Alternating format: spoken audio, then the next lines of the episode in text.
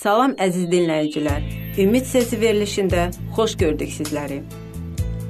Bugünkü proqramımızda siz sağlam həyat tərzi rubrikamızda su haqqında maraqlı məlumatlar əldə edəcəksiniz.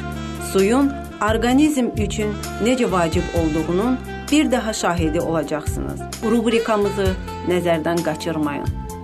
Körpə balalarımız üçün isə bu gün Rəhman və Məryəm çox ibrətamiz bir hekayə hazırlayıblar. Əziz balalar, həmin hekayəni dinləmək istəyirsinizsə, onda daha yaxın oturun. Bir neçə dəqiqədən sonra siz həmin hekayəni dinləmiş olacaqsınız. Bizimlə qalın, bizdən ayrılmayın.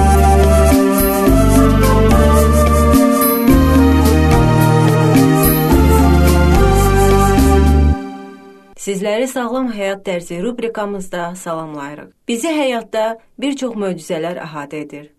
Lakin biz onları o qədər tez-tez görürük ki, artıq onlara vərdiş etmiş oluruq və hətta onların möcüzə belə olduğunu unutmuşuq. Bu gün danışacağımız belə möcüzələrdən biri də sudur. Bəli, su. Biz suya hər yerdə rast gəlirik və ondan çox tez-tez istifadə edirik. Lakin onun bizim həyatımızda çox vacib rol oynadığını bəzən o qədər də başa düşmürük.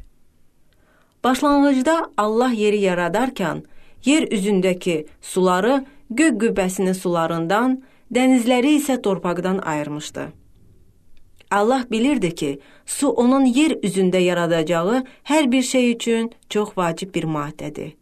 O əvvəlcədən nəzərdə tutmuşdu ki, yer üzündə olan su ehtiyatları yaratdıqlarının hamısı üçün kifayət etsin. Beləliklə, su həyatdır. Su barədə ətraflı məlumat almaq üçün və bizi maraqlandıran suallara cavab əldə etmək üçün studiyamızda olan qonağımıza müraciət edək. Elşən həkim, insan orqanizmində suyun miqdarı nə qədərdir? Su eşitmə və görmə orqanlarının, həzm sistemi işlərinin normal fəaliyyəti üçün çox vacibdir. Su olmadan udqunmaq, göz qırpmaq, hətta danışmaq belə mümkün olmaz. Əzələlər 75%, beyin 79-85%, çox bərk və möhkəm hesab etdiyimiz sümüklər 20-25% sudan ibarətdir. Qanda isə suyun miqdarı 93% təşkil edir. Beləliklə, orqanizmin bütün sistemlərinin normal həyat fəaliyyəti üçün suyun miqdarı çox vacibdir. Bəs ə, e, suyun əsas funksiyaları hansılardır? Su ümumiyyətlə orqanizmin bütün funksiyalarının həyata keçirilməsində iştirak eləyir. Orqanizmdə gedən bütün proseslər, həzm, sorulma, qida maddələrinin daşınması, orqanizmdə yaranan tullantı məhsullarının xaric edilməsi suyun iştirakı ilə və yalnız suyun iştirakı ilə həyata keçirilir. Su qan və ürək dövranı üçün də çox vacib bir maddədir. Kifayət qədər su qəbul etmədikdə orqanizmdə nələr baş verə bilər? Bütün orqanizmin fəaliyyəti pisləşər, tər, sidik ifrazı azalar, qanın qatılığı isə artar. Əgər bu hal qan təzyiqi ilə müşayiət olunarsa, insult və digər işemik xəstəliklər əmələ gələ bilər. Yoğun bağırsaqlardan suyun sorulması artar, bu da qəbizliyə səbəb olar. Bütün hüceyrələr su çaşmamazlığını daha tez hiss elədiyindən elektroenerji istehsalı da azalar. E, gün ərzində nə qədər e, deməli su içmək lazımdır? Yəni tələbat nə qədərdir?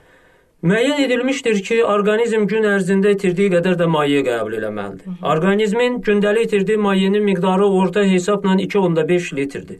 Gün ərzində 1 litrə yaxın maye orqanizm qida və digər məhsullarla qəbul eləyir.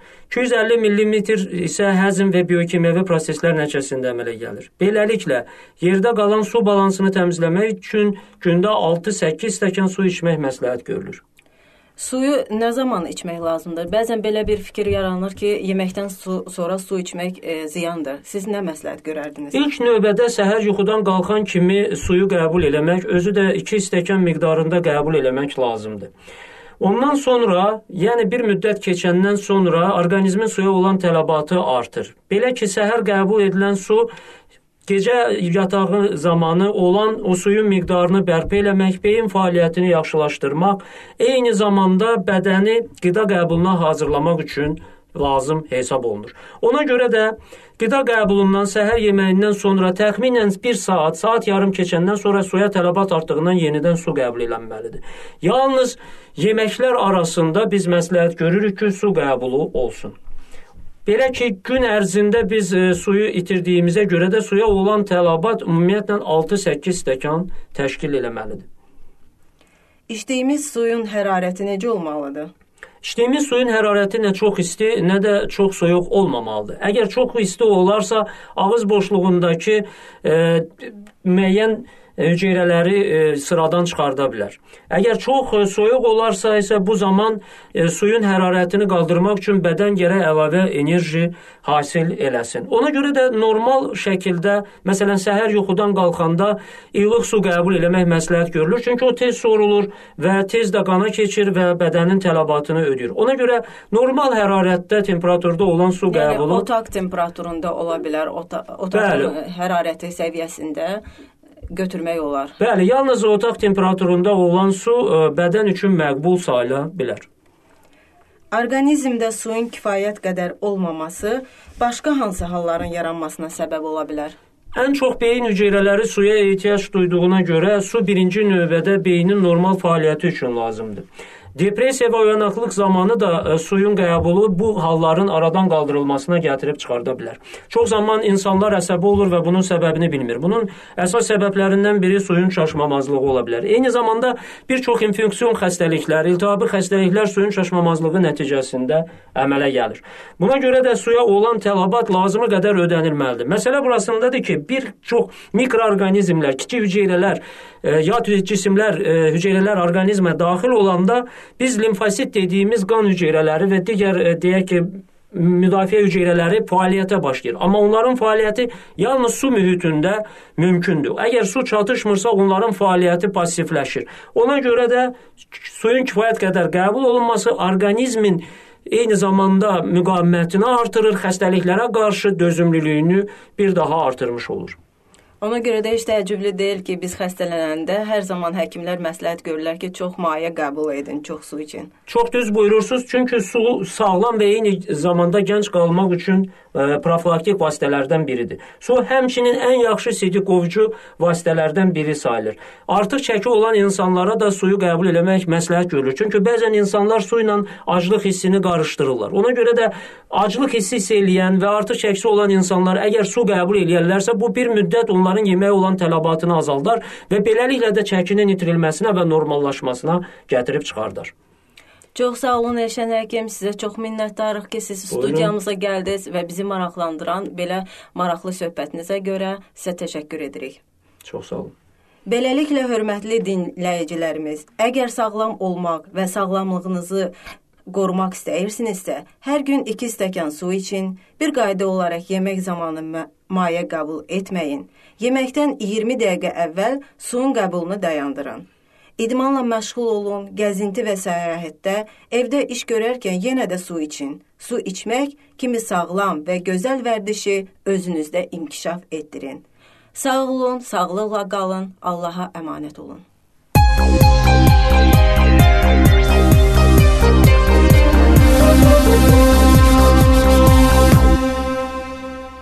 Salam əziz dostlar. Xoş gördük dost. Mən Məryəm.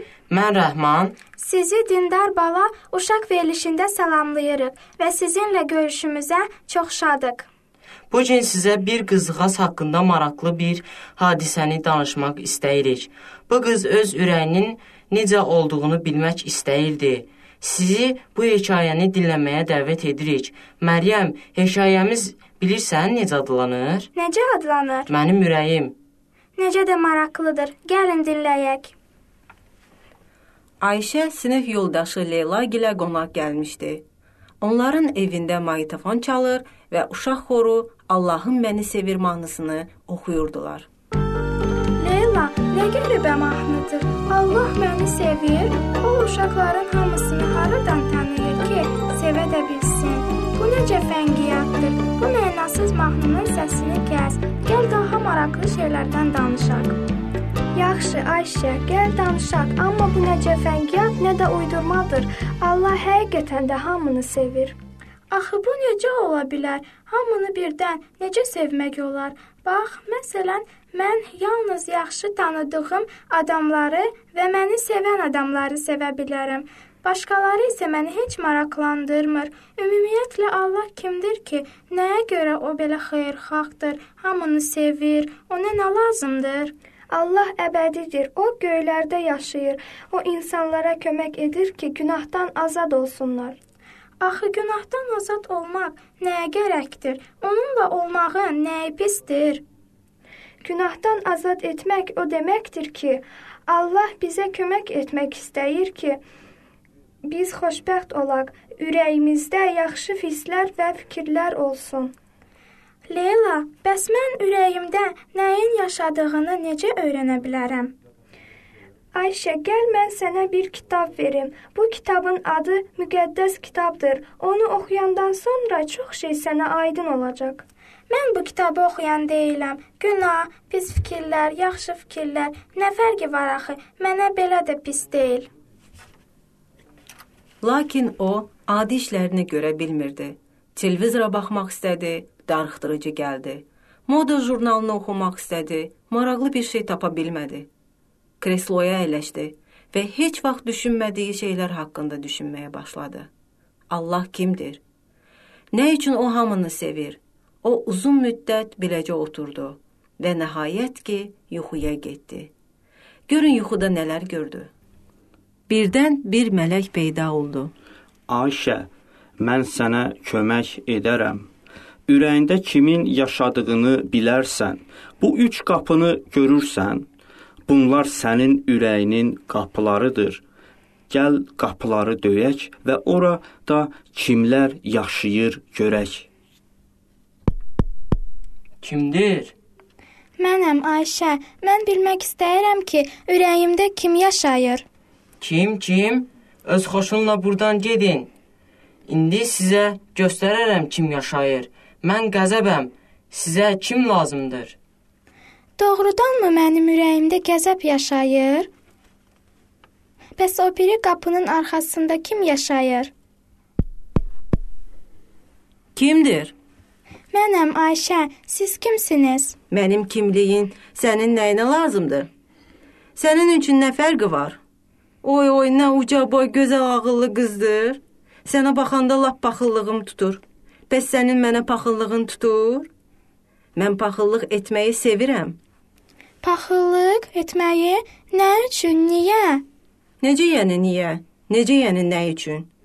Əşi, hər şeyə, hər şeyə paxıllıq edirəm. Axı mən paxıllığam. Paxıllıq Necə də dəhşətlidir. Mən heç ağlıma da gətirmirdim ki, mənim ürəyimdə paxıllıq yaşayır. Görəsən daha kim yaşayır ürəyimdə? Hə, yenə kimdir orada? Gəlirlər, qapını döyürlər. Niyə ora-bura gəzib adamları narahat edirsiniz? Hə, nə lazımdır? Bağışlayın, siz kimsiniz? Kim, kim? Heç kim. Bağışlayın, heç kim nə deməkdir? Heç kim, heç kim deməkdir xoşunuza gəlmirsə, gedə bilərsiniz. Ümumiyyətlə özünüz bilərsiniz. Mənim üçün heç bir fərqi yoxdur. Mən tərsliyəm. Hə, Ayşə, ürəyinin sakinləri xoşuna gəldi? Ah, yox, qətiyyən xoşuma gəlmədi. Mən istəmirəm ki, ürəyimin bu cür sakinləri olsun. Amma nə eləməli? Sən Allahla dostlaş onda ürəyinin sakinləri səndən qaçacaqlar. Doğrudan? Amma mən heç tanımadığım biri ilə necə dostlaşa bilərəm? Bunu asanlıqla həll etmək olar. Leyla sənə gözəl kitab verib. Onu bir kənara qoyma. Onu hər gün oxu. O zaman Allahı tanıyacaqsan və o sənin ən yaxın dostun olacaq. Bir qədər vaxt keçdikdən sonra Ayşə yuxudan oyanır. Ah, deyəsən yatmışdım. Necə də qəribə yuxu gördüm. Hansısa adamlar, səslər var idi. Fo, necə fəngiyatdır. Əslində qeyri-adi heç nə yoxdur. Axı bu yuxu mənim haqqımdadır. Mən tez-tez qəzəblənirəm, paxıllıq etməyi sevirəm, tərslik, şıltaqlıq edirəm. Ona görə də məktəbdə məni sevmirlər. Bəlkə Allahla dostlaşmağa dəyər ki, bütün bu nöqsanlar məndən uzaqlaşarlar. Məncə dəyər. Leylanın məsləhət gördüyü kimi dua edim. Əziz Allahım, mən istəyirəm ki, ürəyimin pis sakinləri getsinlər. Ora sevinc, minnətdarlıq və məhəbbət daxil olsun. Amin. Məryəm, hekayə xoşuna gəldi? Əlbəttə, çox maraqlı idi. Əziz dostum, biz ümid edirik ki, bu hekayə sənin də xoşuna gəldi. Gələn görüşümüzdə isə daha maraqlı bir hekayə di dinləyə bilərsiniz. Məryəm, hansı hekayəni dinləyəcəyik? Bax bu barədə isə gələn görüşümüzdə. İndi isə hələlik dostlar. Gələn görüşədək.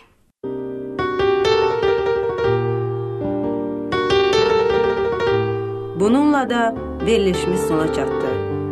Bu dəqiqələrdə bizimlə olduğunuza görə sizə minnətdarıq.